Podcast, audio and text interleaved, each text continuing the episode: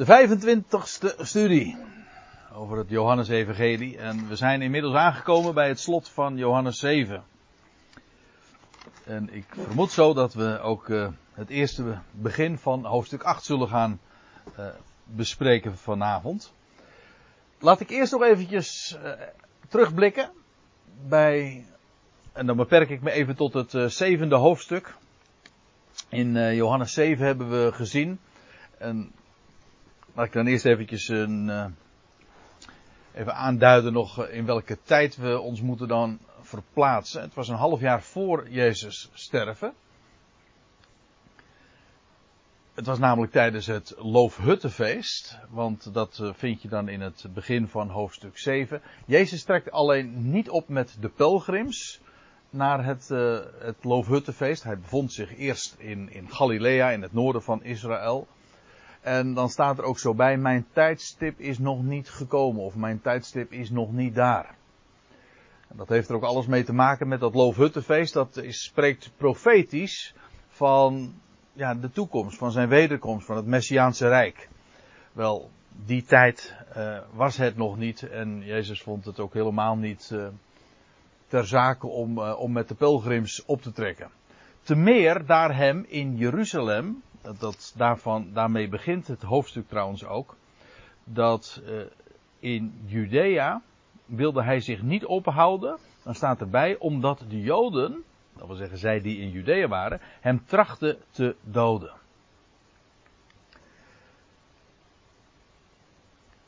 En nou ja, dat is precies wat in dit punt dan ook naar voren gebracht wordt. In Jeruzalem zochten de godsdienstige autoriteiten Jezus te doden. Ik zeg er even bij de godsdienstige autoriteiten, niet de Romeinen. Die hielden zich daar totaal niet mee bezig. Maar die zochten Jezus te doden. En dat was ook mede vanwege de enorme verdeeldheid, de controverse onder het volk rond zijn persoon. We zullen dat straks ook nog wel zien. En ik moet er ook bij zeggen, er was ook veel aanhang. Er, was, er waren er velen, dat hebben we ook gelezen in vers 31. Hoe staat het er? Uit de scharen dan kwamen er velen tot geloof in hem. En die zeiden, zal als de Christus komt soms meer tekenen doen dan deze gedaan heeft?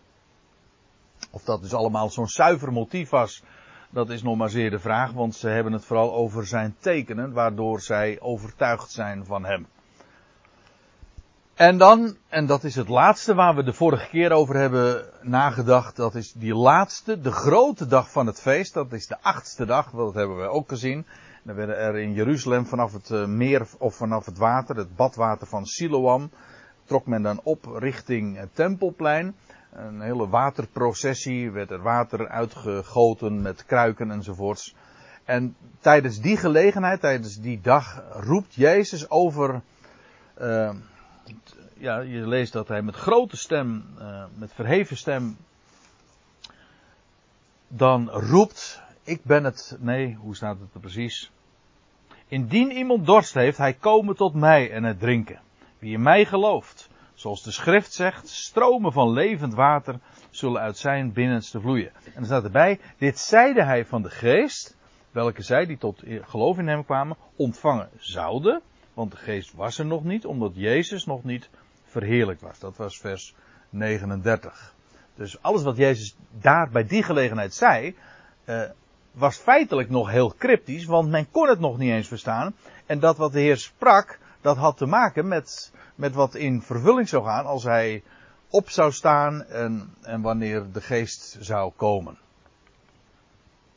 Nou, dan is het laatste wat we toen hebben gezien, dan komt er opnieuw weer die controverse, die verdeeldheid. Dan staat er andere zijde, deze is de Christus. Weer andere zijde, de Christus komt toch niet vanuit Galilea?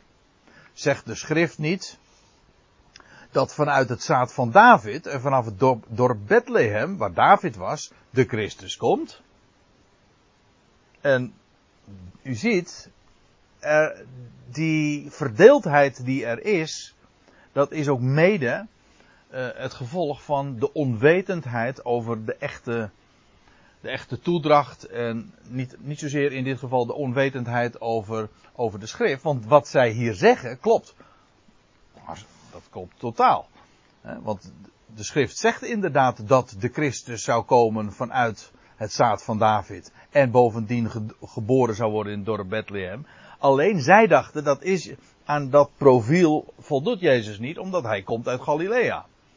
En het een is waar, maar het andere is net zo waar.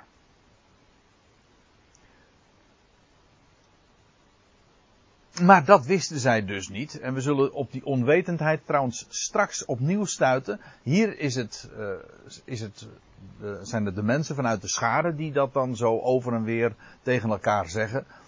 Maar ook de autoriteiten blijken niet op de hoogte te zijn. En dan staat er in vers 43, laten we daar dan verder gaan. En er ontstond dan scheuring, zo staat het letterlijk, in de MBG-vertaling staat er verdeeldheid. Er ontstond dan scheuring, in het Grieks staat er het woordje, dat kent u misschien wel, schisma. Een, schisma. Ja, een schisma, ja, inderdaad, daar had ik niet eens aan gedacht. Dat is een, uh, dan in de uh, medisch gebruik van de term. Maar een schisma is dus een, uh, ja, is een scheuring. Het is nog wat anders trouwens dan een partijschap. Maar er is dus een heftige verdeeldheid in de in de schade. Want dat is wat een schisma altijd is.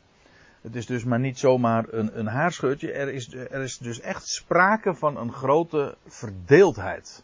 Vandaar ook de NBG-vertaling. Maar het, woord zelf betekent een, een scheuring. Er ontstond dan scheuring in de schade vanwege hem.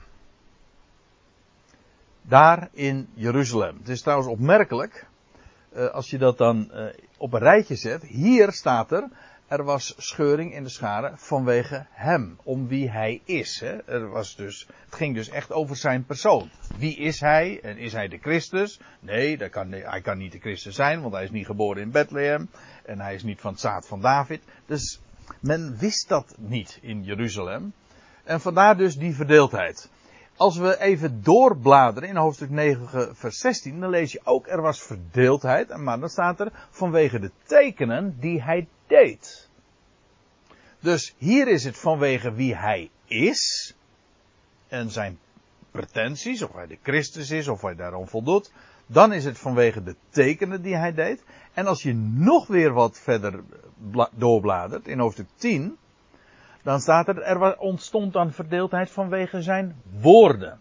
Dus in alle opzichten, om wie hij is, om wie hij, om wat hij deed en om wat hij sprak, in alle drie de gevallen, er ontstond daaromtrent verdeeldheid. En ik denk trouwens dat dat vandaag nog steeds niet anders is. Er, zijn persoon, dat wat hij doet, zijn woorden, dat wat hij dus spreekt, inhoudelijk, er ontstaat altijd verdeeldheid omtrent hem. Ik lees verder in vers 44. Sommigen vanuit hen, dus dat is uh, vanuit de schare. En eerder was hetzelfde al gezegd van de Joodse leiders. Die wilden hem pakken. Hier is, hier is dus de schare zelf uh, waar, waar, zo'n verdeeldheid was. En sommige van hen die wilden hem pakken, grijpen. Maar staat er, niemand wierp de handen op hem. Zo staat het er dan letterlijk. Niemand sloeg hem, sloeg de hand aan hem. Zo zouden wij het dan zeggen. En ik, ik geloof dat ik het vorige keer ook al, zoiets gezegd heb, omdat dat uh, toen ter sprake kwam. Maar het was, het, hoe kan dat nou? Dat sommigen wilden hem grijpen, maar niemand kon dat op een of andere manier. Maar het, en, dat wekt in alle opzichten de indruk van dat een onzichtbare hand hen daarvan weerhield. Maar hoe kon dat? Want, ja, en dat heeft ook weer te maken met wat ik eerder al zei. En dat, daar begint het hoofdstuk mee, en dat is heel karakteristiek. Het tijdstip van hem was nog niet daar. Mijn uur, elders zegt hij in dezelfde evangelie, mijn uur is nog niet gekomen. En daarom kon het niet. Daar, kon men het wil willen, en dat was eerder al van de Joodse autoriteiten. Dan lees je ook, men wilde hem. Ja, in vers 30 lees je dat. Dat ben ik vergeten erbij te vermelden, maar in vers 30 lees je dan. Zij, en dan gaat het over, die, over de Joodse leiders. Zij trachten hem dan te grijpen. Oh, wacht even, maar dan staat er ook zo bij, joh. In vers 30. Zij trachten hem dan te grijpen, maar niemand sloeg de hand aan hem. Want staat er, zijn uren was nog niet gekomen. En nu exact hetzelfde doet het zich voor vanuit de scharen. En ook dan lees je weer, niemand wierp of sloeg de hand aan hem. Uiteraard om dezelfde reden. Zijn uur was nog niet gekomen. Het zou, hij zou niet worden overgeleverd met het Loofhuttenfeest. Nee, hij zou worden overgeleverd met het Pascha. Want daar was het hele Pascha juist ook voor ingesteld. En ja, ons Pascha is geslacht precies ook op het tijdstip dat de Heer daarvoor had vastgelegd. Dus zijn uur was met recht ook nog niet gekomen. Het zou nog een half jaar duren. Dus het kon ook niet. En ja, mensen hebben het dan over de vrije wil van een mens. Maar wat is een vrije wil? Ze wilden het wel, maar ze konden het op een of andere manier niet. Ja, verklaar het maar. Ik kan het niet. Ik, eh, de schrift legt het gewoon neer als een gegeven. De assistenten dan, of de dienaren, lees je, zo worden ze in de MBG genoemd. Die kwamen naar de overpriesters en de fariseeën. En ze zeiden tot hen, vanwege wat leiden jullie hem uh, en zij, uh, ja, die overpriesters en fariseeën dus, die, die zeiden tot hen, tegen die assistenten dus, vanwege wat leiden jullie hem niet hier? Want dat is namelijk waar ze voor waren weggezonden. Je leest in vers 32. De fariseeën hoorden de scharen deze dingen omtrent hem murmelen. Dus er was gemopper, er was, uh, dat zong rond en al die verdeeldheid. En dan staat er, en de hoge priesters, of de overpriesters, en de fariseeën vaardigden assistenten af, opdat zij hem zouden pakken. Dus ze, deze, deze gasten, deze dienaren, deze assistenten, die waren erop uitgestuurd om hem te grijpen. En nou komen ze weer terug bij die overpriesters en fariseeën. En die vragen nou, nou, om welke reden hebben jullie hem niet meegenomen? En zij konden natuurlijk niet zeggen, ja, zijn uur is nog niet gekomen.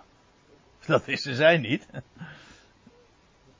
Zie je, ze, ze, in feite is het, ja, dat, vergeef me de beeldspraak, maar het doet mij wel denken aan, aan, aan een toneelstuk. Het, eh, het is, eh, ze, ze worden gewoon ingezet in, in, in, in, een, in een theaterspel, terwijl ze niet eens in de gaten hebben welke rol ze daarin spelen. Ze zijn ingezet. Ja, ze zouden hem moeten pakken, maar in werkelijk, maar ze waren niet in staat tot. En het is zelfs, het gaat nog verder. Want je leest dan in vers 46 dat, eh, dat die dienaren, die assistenten antwoorden. Nooit heeft een mens zo gesproken. Feitelijk is dit niet eens een echt antwoord, want de vraag was: uh, waarom hebben jullie hem nou niet uh, hier, waarom hebben jullie hem niet meegenomen? En dan zeggen ze, en zij, ze, ze geven alleen maar het antwoord: nooit heeft een mens zo gesproken. Dus daarmee geven ze in ieder geval wel aan dat ze wel heel erg onder de indruk zijn. Dus in plaats van hem het zwijgen op, eh, hem het zwijgen op te leggen, gingen ze juist zelf luisteren. Ik vind trouwens nog iets opmerkelijks hieraan. En dat is dat in het Johannes-evangelie is de Heer Jezus de, het, het woord. Hè? Zo begint het Johannes-evangelie. Het woord dat vlees geworden is. Wel, waarin maakt hij zo'n indruk? In dat wat hij heeft gesproken. Dat was voor hen onweerstaanbaar. Dus deze mensen waren, ja, gewoon ingezet door die overpriesters en die, uh, en die fariseeën om een taak te, vol, te volvoeren. Ze zouden hem grijpen. Ze komen in aanraking met hem. Ze hebben ongetwijfeld dan een gelegenheid gezocht. En terwijl zij uh, in aanraking met hem zijn en ze horen wat hij te zeggen heeft, zeggen ze, zijn ze zo diep onder de indruk. Nooit heeft een mens zo gesproken. Dat is hun, hun reactie.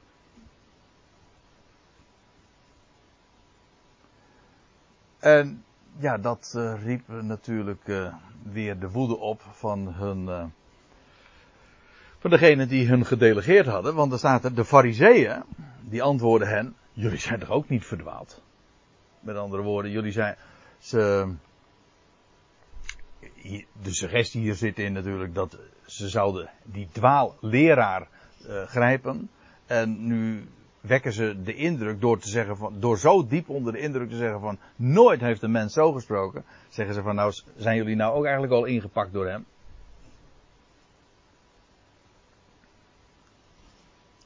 En dan wordt er verder geredeneerd door die fariseeën.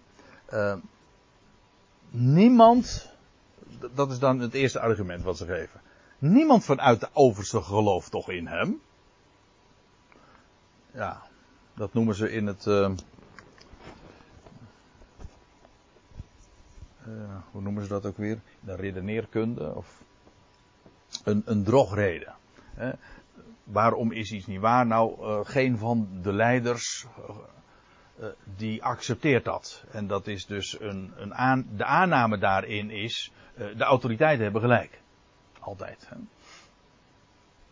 Als je dan beroept op een, op een autoriteit, en ja, dat, uh, dat moet dan toch het einde zijn van, van, van alle tegenspraak. Ik weet niet of u het fenomeen kent, maar uh, ik heb het vaak meegemaakt. Ook, ik bedoel, juist ook in, in de godsdienstige setting. Hè. Als je dan iets beweert vanuit de schrift, dan zeggen ze nee, dat kan nooit waar zijn.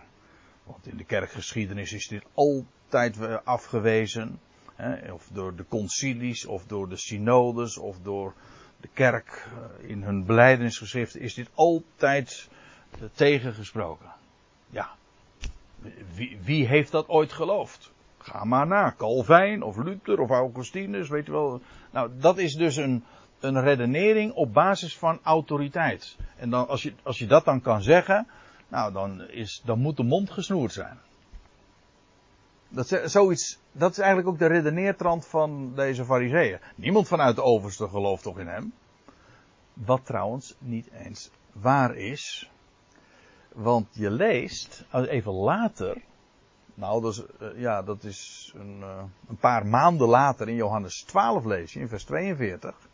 Dan staat er, en toch geloofden zelfs uit, zelfs uit de overste velen in hem. Nou, en nou moet je eens opletten. Dat is ook iets van alle tijden. Natuurlijk, dit gaat specifiek over die situatie toen. Maar ik bedoel het fenomeen zelf. Toch geloofden zelfs uit, zelfs uit de overste velen in hem. Maar er staat erbij, ter wille van de fariseeën. Dat, was de, dat blijkt iedere keer in de evangelie. Dat, die waren het meest falikant tegen Jezus die partij, want het is eigenlijk, je had de Sadduceeën, je had de Fariseeën, maar het waren juist de Fariseeën die het meest tegen Jezus zich keerden. Ter wille van de Fariseeën kwamen zij er niet voor uit. Waarom niet? Om niet uit de synagoge te worden gebannen. Of deze overste ook per definitie mensen van het Sanhedrin zijn, dat denk ik eerlijk gezegd niet. Maar misschien dat ik er straks nog even op terugkom. Maar overste in ieder geval toch leiders. Dat kunnen dus ook uh, leiders geweest zijn van, van de synagogen. Of uh, degene die in de, ja, hoe heet dat uh, daar? Ik wou zeggen de broederraad of zo, in de oudste raad gezeten, of in de kerkenraad, of in de synagogeraad gezeten heeft. Om daar niet uit te worden gebannen. Want ja. En het idee is dus, uh, ze geloofden wel, maar ze kwamen er niet vooruit. En, want, en dan heb je het meestal nog uh, redelijk. Uh, ja, dan heb je niet al te veel problemen. Zolang je zwijgt, niks zegt, ja, dan, uh, dan, wordt het dan word je gedoogd. Zo werkt dat. Dat is meestal zo. Ik ken ook heel wat mensen die geloven in dingen, in zaken van de schrift. Eh, maar die zeggen van nou, ja, ik bevind me in een kring of in een kerk of in een gemeente. Moet daar niet over spreken. Want ja, uh, nou ja, om precies dezelfde reden. Want ja, op het moment dat ik ervoor uit zou komen, ja, dan, uh, dan heb ik, dan, dan word ik daar natuurlijk gewoon uitgezet. Dan accepteren ze dat niet. En vandaar dus dat heimelijke geloof. Dat was, er waren er, staat hierbij, van de overste, kennelijk van de synagogen, waren er velen bij wie dat zo was. Dat is toch wel opmerkelijk, hè? En het was angst die hen dreef. En angst voor wat wel om uitgesloten of buitengesloten te worden.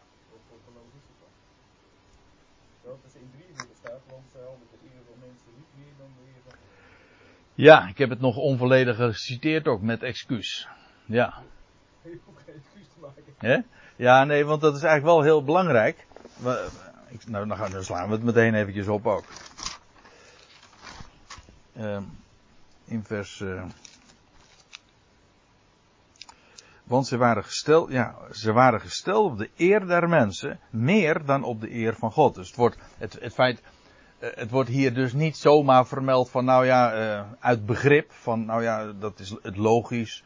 Maar feitelijk komt het erop neer, door er niet vooruit te komen, geven ze dus feitelijk aan van, ja, wij, de acceptatie van de mensen vinden wij belangrijker dan het woord van God. Want ja, dat is wat ze daar feitelijk mee uitdrukten.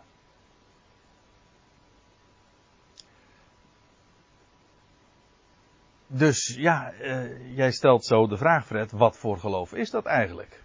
Als je daar dan niet voor uitkomt. Geloof je dan werkelijk me, uh, van, van harte? Maar dat is iets wat we natuurlijk uh, al een paar keer hebben gezien. Ik, ik wees er zojuist al eventjes op dat je dan leest dat velen van in Jeruzalem, maar dat was, wat, welk vers was dat nou? Johannes 7 vers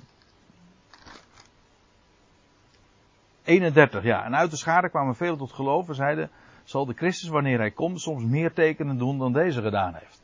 En dan is het dus, zij geloven vanwege de tekenen. Eerder in, uh, in Johannes 1 lees je dat ook al. Nou, dan, uh, sla ik dat ook meteen maar even op. Johannes, nee, Johannes 2 is het trouwens. En terwijl hij, Jezus, te Jeruzalem was op het paasfeest, geloofden velen in zijn naam. Doordat hij, zij zijn tekenen zagen, die hij deed. Maar Jezus zelf vertrouwde zichzelf hun niet toe, omdat hij hen alle kende. En omdat voor hem niet nodig was dat iemand van de mens getuigde. Nou ja, enzovoorts. Maar dat wil zeggen, Jezus vertrouwde zich aan hen niet toe, want het was, alleen, het was vooral een geloof op basis van die tekenen. En dat, ik, deze oversten die in hem geloven, die wekken ook al die indruk. Geloven ze werkelijk van harte in hem? In ieder geval, één ding is duidelijk. De eer van mensen was voor hen belangrijker. Eer van mensen, dat wil zeggen de acceptatie van mensen was voor hen belangrijker dan de, ja, de eer van God. En de eer van God is toch in ieder geval dat wat hij gesproken heeft. Dus als zij, ik ga weer even terug naar Johannes 7. Niemand vanuit de over zijn geloof toch in hem. Dat is A, een drogreden. Want het loutere feit dat niemand dat zou geloven, dat zegt nog helemaal niks over of het al of niet waar is. Want die, al die oversten kunnen er allemaal hartstikke naast zitten. En dat was feitelijk ook zo. En bovendien, het was, eh, het was niet eens waar. Er geloofden er wel velen, maar uit angst kwamen ze er niet vooruit. Dat is nog een ander ding. En uh, even onder ons gezegd. Nou ja, wat heet onder ons? Het wordt gewoon opgenomen. Het komt wel lekker allemaal op internet.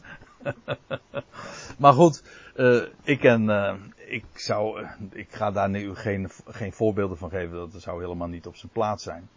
Maar ik ken toch heel wat mensen die uh, om zulke redenen, hè, vanwege die eer van mensen om niet uitgesloten te worden, zwijgen. En de grap is, ik ken bijvoorbeeld ook uh, predikanten die weten bepaalde zaken. Die weten bijvoorbeeld dat God een redder is van alle mensen.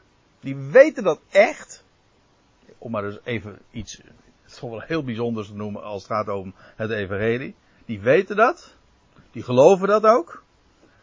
Maar ze komen er niet vanuit. Waarom? Ja, om deze reden die hier dus in Johannes 12 wordt opgegeven. Nou ja, vul alleen voor de synagoge kerk in en dan heb je hetzelfde verhaal. Maar uh, wat, is, wat zie je dan op het moment dat men uh, dat dat gevaar is geweken? Bijvoorbeeld men uh, gaat met emeritaat. En dan blijkt dat, dan gaan ze ineens boeken schrijven. over die onderwerpen. En dan kunnen, want ja, dan hebben ze verder geen gevaar meer te duchten. Dan hoeven ze geen, uh, geen beroep meer aan te nemen. En dat bedoel ik helemaal niet als, uh, als, als lelijke roddel. Ik geef sowieso geen voorbeeld. Maar gewoon het fenomeen zelf. Het is zo algemeen. Wat, wat hier staat is maar niet alleen historie. Het is gewoon algemeen. Het is zo menselijk om, om daarvoor te zwichten, om onder, onder zulke druk te bezwijken. En vanwege wat de goede gemeente zegt, en of dat nou kerkelijk of evangelisch of weet ik van wat voor snit, het is gewoon menselijk. Overal. Overal waar een groep mensen is en die hebben zo'n afspraken gemaakt. Ja, en dan, en dan en je komt uit voor dat wat er staat geschreven. Ja, dat, dat is onaangenaam. Hè? Dan mag je niet meer komen preken. Nee, nee. Zulke dingen. Ja.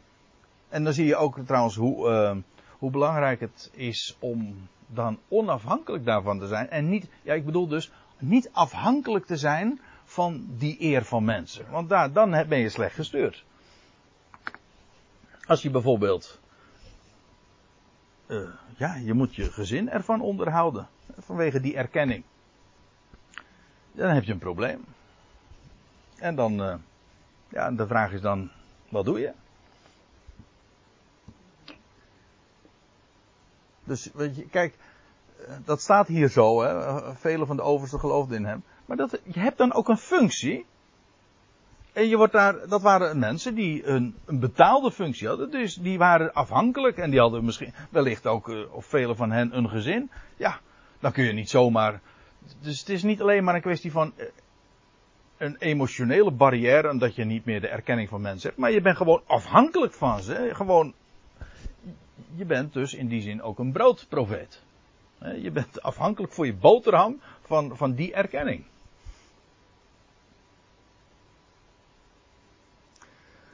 Dat soort factoren.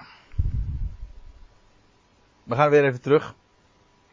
Uh, zij zeiden dus, uh, niemand van die oversten gelooft toch in hen, of uh, vanuit de fariseeën. Wat ook al niet waar blijkt, want uh, we zullen dat straks zien in vers, uh, vers 50. Dan wordt, dan wordt een fariseer bij name genoemd. Eerst nog even naar vers 49. En dan zegt, maar deze scharen die de wet toch niet kent, verwenst zijn ze. Zijn ze. In de MBG-vertaling staat nog sterker, vervloekt zijn ze. Uh, de scha het is een, zelfs een Nederlandse uitdrukking uh, geworden. De schare die de wet niet kent. Daar klinkt een, uh, een, enorme hoogmoed in door van de elite. Om het eventjes wat modern politiek te zeggen. De eliten of de geestelijkheid. Degene die het, die het weten. Die, die, die hebben het dan over ja, ik zou zeggen het klootjesvolk. Het volk dat er geen kaas van gegeten, die er helemaal niks van weet. En die geen benul heeft. Zo spreken deze geestelijke mensen, de autoriteiten, want we hebben het hier over dus. Want degenen die hier aan het woord zijn, dat zijn zelf. Oversten, overpriesters en fariseërs. En ze spreken, spreken over die, deze scharen daar in Jeruzalem waar toch veel animo was uh, voor wat Jezus had te melden en vooral die onder de indruk waren van wat hij deed. En dan deze schare die de wet toch niet kent. Nou, en dan min of meer vervloeken ze die wet, die schare, of in ieder geval verwensen ze die. Daar moeten ze niks van hebben en ze voelen zich daar ver boven verheven.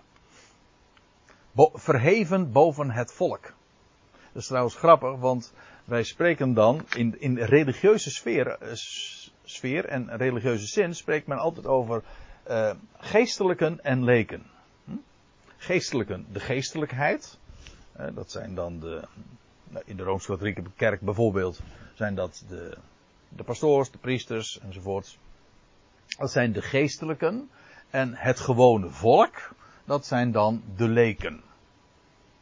En een, eh, iemand die dus geen geestelijk ambt vervult, of niet is aangesteld, en niet ervoor geleerd heeft, die niet uh, bevoegd is om zich uh, met de geestelijke dingen bezig te houden. Nou, ik bedoel, in, in, het, in het hele kerkelijk, ook in de, de kerkelijke wereld is dat natuurlijk, dat onderscheid zo wijd verbreid.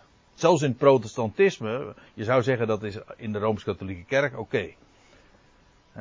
Dat men dat verschil heel sterk kent van geestelijk en leken. Maar in de protestantse kerken natuurlijk net zo. Daar heb je de, de mensen die eh, aangesteld zijn. En dat, dat zijn in de, is in de praktijk toch een geestelijkheid. Dat zijn degenen die alleen maar het woord mogen bedienen.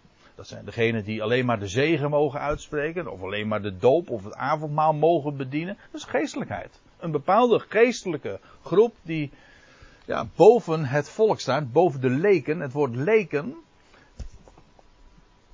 En dat lijkt op. Sorry, dat is een Nederlands, dat is een Nederlands woordgrapje. Maar uh, het komt van het, Griekse woordje laor. Uh, ja, uh, van het Griekse woord laos. dat is een van de woorden voor volk. En dat is trouwens grappig, want het Latijnse woord voor volk, dat is populus. En daar is people, het Engelse people, het, Frans is het ook zoiets toch? dat, ga ik niet uit. Nee. Nou ja, nee. Waar zit Frans? Ja, waar zit Frans? Zeg het dus. Nee, daar ga, eh, ik me niet aan wagen. Maar in ieder geval, en wij, het grappige is trouwens, dat ons woord gepeupel, waar, dat is natuurlijk helemaal een minachtend begrip, maar dat komt nog weer van dat populus, hè, en people, en gepeupel, het volk. Dus de mensen. Ons woordje populair, populisme, dat heeft allemaal met dat woord volk te maken. Dat zijn uh, ja, bekende begrippen. Hè? Wat het volk zegt. Nou, de, deze elite, die, hebben, die staan daar uh, mijlenver boven verheven. En die spreken over die schade die de wet niet kent. In hoeverre ze die zelf kenden. Dat is nu juist een van de dingen die de Heer Jezus hen keer op keer heeft aangewreven. Zeg van, jullie kennen de schriften niet. Ja, jullie beroepen je er wel op. Jullie hebben ook je hele status en je, je baan en je hele eer daarop gebaseerd. Maar jullie kennen de schriften niet. Dus deze verwensing is ook, het is niet alleen hoogmoedig, het is ook nog eens een keertje heel dom. Want in feite veroordeelden ze zichzelf ermee. En dan krijg je Nicodemus. Nicodemus, die eerder tot hem kwam, een vanuit hen, leuk hè, vanuit, van wie? Dat was een fariseer hè. En de Heer Jezus zegt zelfs in Johannes 3, uh, bent u de leraar van Israël en weet u deze dingen niet? Dus de Heer Jezus zegt maar niet, hij was een grote leraar, nee, hij was de leraar van Israël. Dus die reputatie had hij. En weet jij deze dingen niet? En nou zeggen zij dus van de schade die de wet niet kent. En de Heer Jezus tegen zeggen, jij bent de leraar van Israël. En deze dingen die ik nu vertel, ken je, weet je daar niet van? Dat trouwens nog iets leuks. Want uh, daar stuitte ik zo, uh, ja, wat heet toevallig, vanmiddag op. Uh, Nicodemus, dat woord betekent letter. Nico, dat is overwinnaar. En en Demus, dat, dat komt van het Griekse woordje demos. En dat is eigenlijk wat volk is. Je hebt het woordje laos waar ik op wees. Het woordje demos. Kennen we natuurlijk allemaal van het woordje demo. Nou.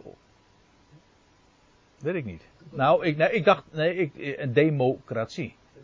Democratie betekent het volk regeert. Democratie, kratie betekent heersen, regeren.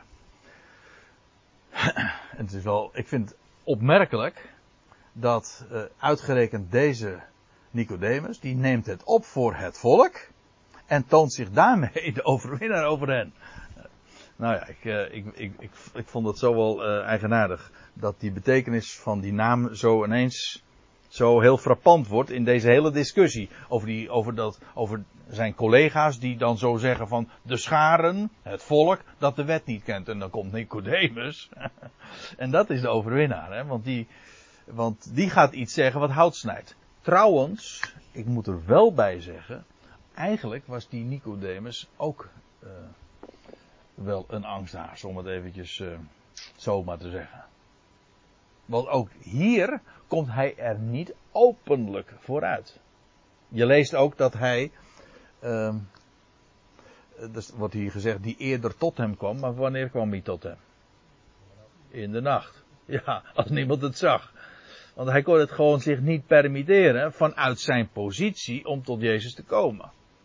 Maar zelfs die Nicodemus, dat is Johannes 3 dus, die zegt dan van, uh, er was iemand, ik lees nu even voor, er was iemand, een mens uit de Fariseeën, wiens naam was Nicodemus, een overste der Joden. Deze kwam des nachts tot hem en zei, Rabbi, wij weten dat wij, ik weet niet met die, wat hij bedoelt met wij, wij leiders, wij, wij Joden, maar in ieder geval, wij weten dat gij van God gekomen zijt als leraar, want niemand kan die tekenen doen welke gij doet. Dus. Zou het nog niet tegen de strijd geweest, die konden er eigenlijk niet omheen. En hij was natuurlijk een, een, een belangrijk, een persoon binnen zijn, zijn vliegtuig. Ja, ja. Ja, precies. Maar wat, jij vroeg. Nou, ik bedoel, dus ze wisten het, maar ze hebben zich gewoon met geweld gezet dat hij deed. Ja, en ze probeerden Jezus dus ook monddood te maken. En dat, nou ja, eerst hebben ze die assistenten, die, die dienaren erop uitgestuurd om hem te grijpen. Dat de, konden ze zelf ook al niet doen. Maar ja, ze merkten wel dat er heel veel, uh, hoe zeggen ze dat? Uh, onder het volk waren er velen die er toch inderdaad ook niet onderuit konden komen dat, dat deze de Christus moest zijn. En die Nicodemus die had dus ja, niet alleen feeling voor wat, voor wat het volk zei. Maar hij stond eigenlijk zelf ook op het standpunt. Alleen heeft hij het openlijk nooit beleden. Later komen we die Nicodemus trouwens nog een keer tegen. En dat is. Ja, bij, bij Jezus' begrafenis. Ja, want uh, dan is het. Het is trouwens ook weer het Johannes-evangelie. In Johannes 19 moet dat zijn. Ja, en dan lees je, ik lees het maar even voor, ik heb er geen diaatje van, maar dan staat er in vers 38. Daarna vroeg jo Jozef van Arimathea, een discipel van Jezus, hier, maar in het verborgen, uit vrees voor de Joden, aan Pilatus het lichaam van Jezus te mogen wegnemen, en Pilatus stond er toe. Hij kwam dan en nam zijn lichaam weg. En ook kwam Nicodemus, die de eerste maal des nachts tot hem gekomen was. En hij bracht een mengsel mede van mirre en aloe ongeveer 100 pond. Dus dat was een enorm bedrag. Een enorme hoeveelheid bedoel ik ook. En zij namen dan het lichaam van Jezus en wikkelden het in doeken. Dus zij hebben uiteindelijk gezorgd voor de, niet alleen voor het graf, maar ook voor de begrafenis. En de hele, alles daarom. Ja, precies, ja. Ja, was, toen was het ook alweer donker, inmiddels. Ja. Nou, daar kan ik me wel iets bij voorstellen, maar. maar. Ja, nou, daar, daar, zullen we het straks over hebben als we in hoofdstuk 8 aan, als we daar arriveren. Maar ja, nu hebben we trouwens meteen er nog een naam bij genoemd. En dat is Jozef van Arimathea. Dat is weer een, uh, dat is ook een van de oversten, maar die dus in het verborgene uh, in hem geloofde.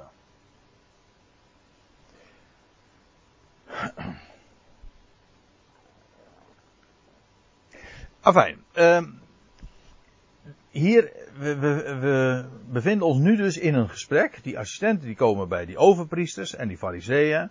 En die zeggen van ja, nou ja, niemand heeft ooit zo gesproken. En die, die overpriesters en, uh, en die fariseeën reageren op hen heel ja, verbouwereerd. En zeggen van, jullie zijn, jullie zijn verdwaald. Niemand van de oversten heeft toch ooit in, in hem geloofd. En, en van die fariseeën. En dan is Nicodemus die gaat tegensputteren.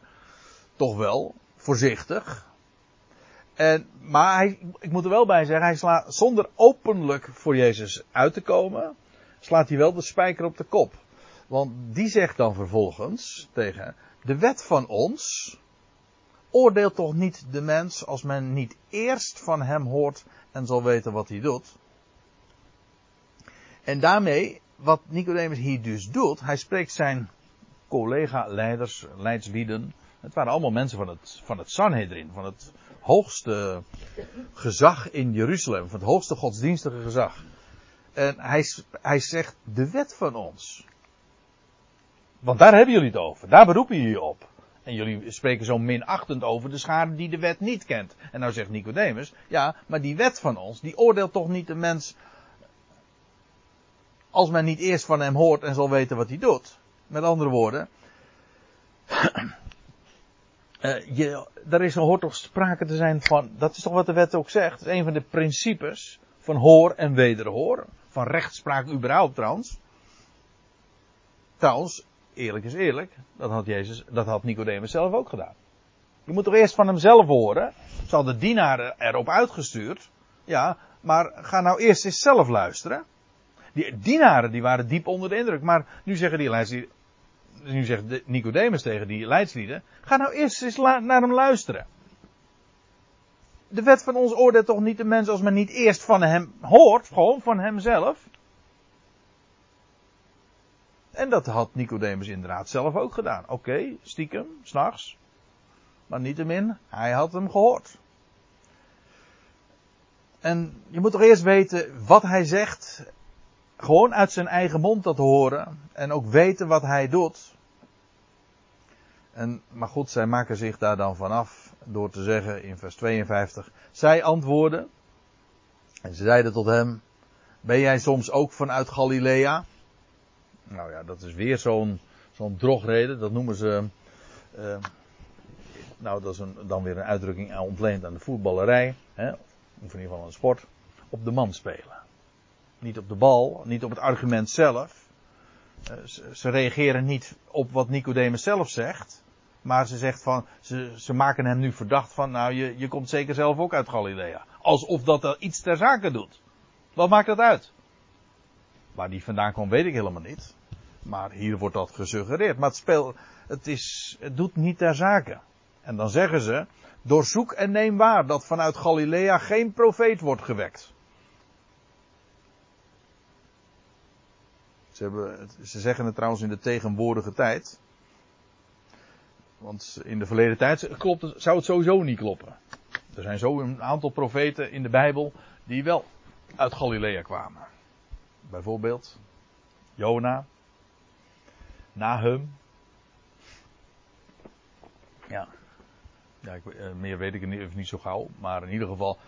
Uh, maar zij zeggen van, ja, doorzoek en neem waar dat vanuit Galilea geen profeet wordt gewekt. Ze bedoelen te zeggen dat de pro, ook de profeet die gewekt zal worden, die komt niet uit Galilea. En hier zie je dus weer een herhaling van het misverstand dat we al eerder uh, hoorden. Van die schade, die de wet niet kent.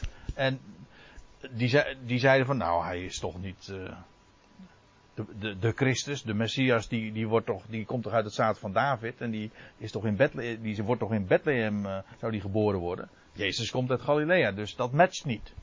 En nou, deze leidslieden, die zich, die zeiden of pretendeerden zoveel meer te weten, maken exact stappen in exact dezelfde valkuil als, als, als eerder die schade die de wet niet kent. En zeggen ze van uh, hij, kan nooit, hij kan nooit voldoen aan, aan, aan de, zijn messiaanse pretenties omdat hij uit Galilea komt.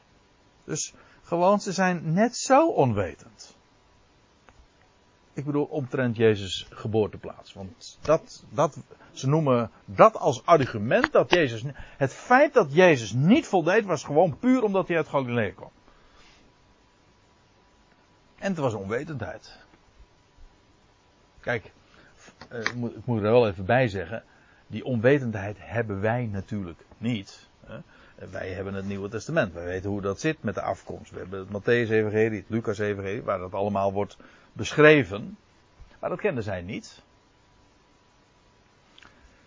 En Jezus is vervolgens in, inderdaad al op heel jonge leeftijd, toen hij nog maar een jongen van, van twee jaar was, is hij al in, heeft hij, ja, is hij al in uh, Galilea, in Nazareth terechtgekomen. En daar heeft hij zijn hele leven uh, gewoond. Dus in Judea was Jezus een betrekkelijk onbekende. En ook bij de leidslieden blijkt hij helemaal niet zo bekend te zijn. Of in ieder geval echt, dat ze echt weten over wie hij is.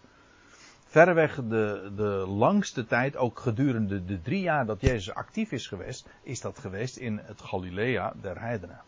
En het was alleen bij gelegenheid dat van de festen, feesten, de festiviteiten van, dat, dat Jezus in Jeruzalem was. Paarscha of het Lofhuttenfeest. Bij zulke gelegenheden. Nou. En dan, dit was het laatste vers, of het één laatste vers van Johannes 7. En dan komen we dus in vers 53 en dan komt er een, volgt er een gedeelte dat in mijn en uw Bijbel tussen vierkante haakjes staat. Kijk maar eens na. Ik, ik neem tenminste aan dat het in de Statenvertaling ook tussen vierkante haakjes staat. Weet ik niet helemaal zeker. Hè? Voor mij niet, maar op de telefoon. Oké. Nee, dat is eigenlijk, eh, terwijl ik erover nadenk, dat is eigenlijk wel logisch ook. Ja, dit is een, eh, dan wordt het een beetje een technisch verhaal. Want, wat is namelijk het verhaal? Eh, in, laat ik het zo zeggen, in de moderne Bijbels in, staat het wel tussen vierkante haken. Waarom? Eh, dit hele gedeelte, vanaf vers 53 tot en met 11 ver van hoofdstuk 8, dus gewoon eh, het gedeelte over de overspelige, eh, de bekende geschiedenis van de overspelige vrouw, staat tussen vierkante haken. Waarom? Omdat in de beste drie handschriften deze passage ontbreekt. Er zijn, u moet weten, eh, het, het Nieuwe Testament zoals wij dat hebben, dat is, dat is gebaseerd eh, op drie grote manuscripten. Nou, Je hebt de Codex Vaticanus, de Codex Alexandrinus, die mag u mag het weer vergeten hoor. En je hebt de Codex, Codex, ehm, Codex betekent gewoon handboek of eh, boek. Eh, de Codex Sinaiticus. En die drie grote handschriften, daarop, daarop is ons Nieuwe Testament gebaseerd. Er zijn nog veel meer handschriften, maar dat zijn de, de drie grote handschriften, die ook complete handschriften, waarin het hele Nieuwe Testament is terug te vinden. En wat blijkt, in die drie handschriften ontbreekt deze passage. Dus dat is toch een eigenaardig verhaal. Zodat eh, er ook heel, veel velen zijn die zeggen van ja, op basis daarvan zou je dus moeten aannemen dat het oorspronkelijk niet eh, door Johannes is geschreven. Maar daar, daar staat weer een heleboel tegenover. Dat is wel een, een, een ernstig eh, ding.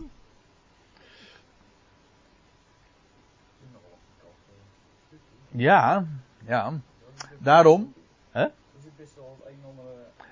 Ja, je hebt de, de, deze, deze kwestie doet zich voor in het nieuwe, doet zich twee keer voor. Eh, in het Nieuwe Testament. En dat is hier deze geschiedenis van de overspelige vrouw, Johannes 8. En het slot van Marcus 16. Dat doet zich exact hetzelfde verhaal voor. Ontbreekt ook in de, de drie grote handschriften. Maar laat ik me nu even beperken tot, eh, tot Johannes 8. Want voor de rest eh, moet ik erbij zeggen, al die verschillen tussen die handschriften, ik wil, eh, dat is vaak wel echt punten en komma werk hoor. Dat, dat, die, over, die komen gewoon allemaal met elkaar overeen. En soms is een woordje net iets anders. Maar in de praktijk, ja, maakt het allemaal niet zo heel veel verschil.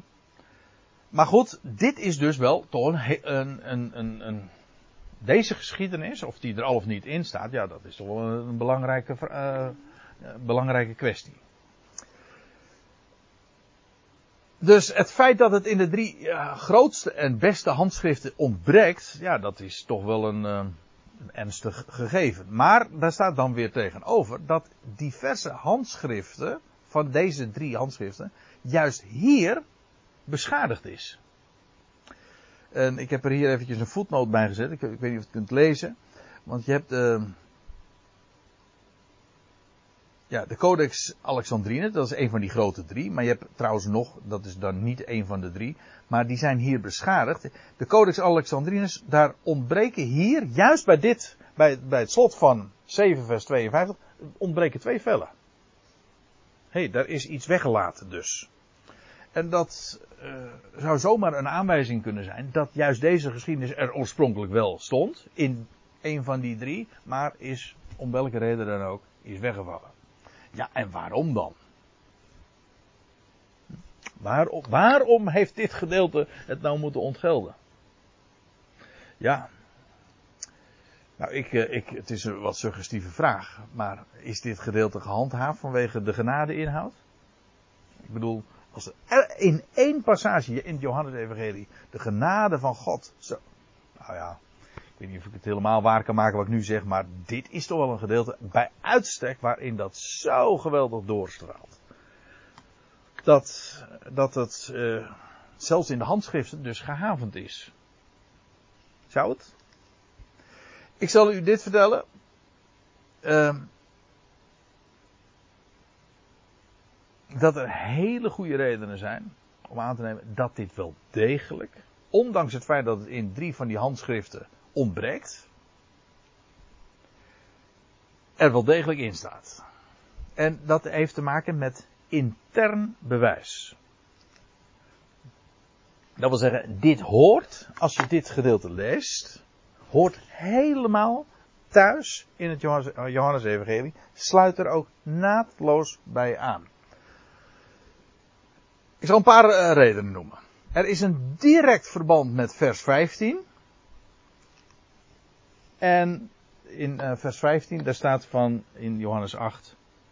Gij oordeelt naar het vlees. Ik, oor, ik oordeel niemand. Johannes 8, vers 15. Nou, dat is precies wat dat gedeelte van Johannes 8, of van uh, die geschiedenis van de overspelige vrouw naar voren brengt. Hè? Ook ik veroordeel u niet.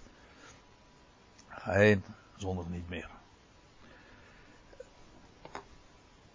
Dat is één ding. Daar komt nog iets bij, en dat in het Johannes-evangelie, daar is een, een regel.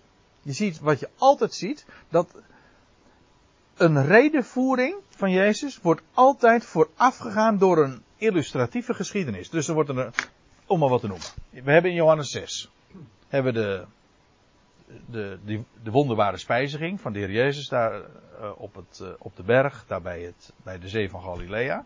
En pal daarop krijg je een lange redenvoering en een lange uitleg wat die geschiedenis betekent. Dat de Heer Jezus zegt, ik ben het brood van het leven en, enzovoort enzovoort. Dus iedere keer krijg je een geschiedenis. En dan vervolgens wordt dat in een reden, of in een uh, lang gedeelte daarop volgend, uitgelegd. Nou, in Johannes 8 krijg je ook weer zo'n een, lange reden en ook gesprekken enzovoorts. Maar ontbreekt dan een, een, een geschiedenis waarin juist die waarheid al geïllustreerd wordt? Het, dat zou dan ontbreken. Nou, dat is niet logisch. Dus het is een regel in Johannes dat je eerst dus een, een geschiedenis hebt, wordt verteld, waarin iets geïllustreerd wordt, en vervolgens dat dat wordt uitgelegd. En, dan heb ik er nog een, het, uh, dit gedeelte illustreert ook perfect juist uh, dat wat in het hele navolgende wordt uh, verteld over, het, over de Heer Jezus als het licht ter wereld. Kijk maar na Johannes 8, vers, 2, uh, vers 12, daar staat boven, tenminste in mijn Bijbeltje, het licht der wereld. Nou, dit gedeelte, die geschiedenis van die overspelige vrouw, illustreert dat perfect. We zullen trouwens nog iets zien, dat, wat het perfect illustreert, namelijk. Uh, de, wat, wat veel eerder al in het Johannes-evangelie staat, aan het begin al, de wet is door Mozes gegeven, maar de genade en de waarheid is door Jezus Christus geworden. Johannes 1, vers 14. Dit gedeelte illustreert dat perfect. Dus wat ik er eigenlijk mee wil zeggen is, uh, het mag dan in de drie grote handschriften ontbreken. In andere handschriften staat het weer wel. Maar er zijn zoveel redenen om aan te nemen dat het er toch wel degelijk oorspronkelijk heeft gestaan. Dat ik het gewoon straks in het vervolg wel degelijk ook ga bespreken. Het hoort er oorspronkelijk thuis. Ja, en waarom het er dan in die drie handschriften ontbreekt, of waarom het er tussenuit gehaald is, want die schijn heeft het wel. Dat er, er is iets uitgehaald, er is iets beschadigd. Ja, waarom? Nou, vanwege de inhoud. Nou, dat wilde ik eventjes ter inleiding eerst gezegd hebben, gewoon over dit gedeelte zelf. Ik stel voor, want ik zie dat het inmiddels 9 uur is, dat we eerst even gaan pauzeren. Dan gaan we straks uh, op de geschiedenis zelf in.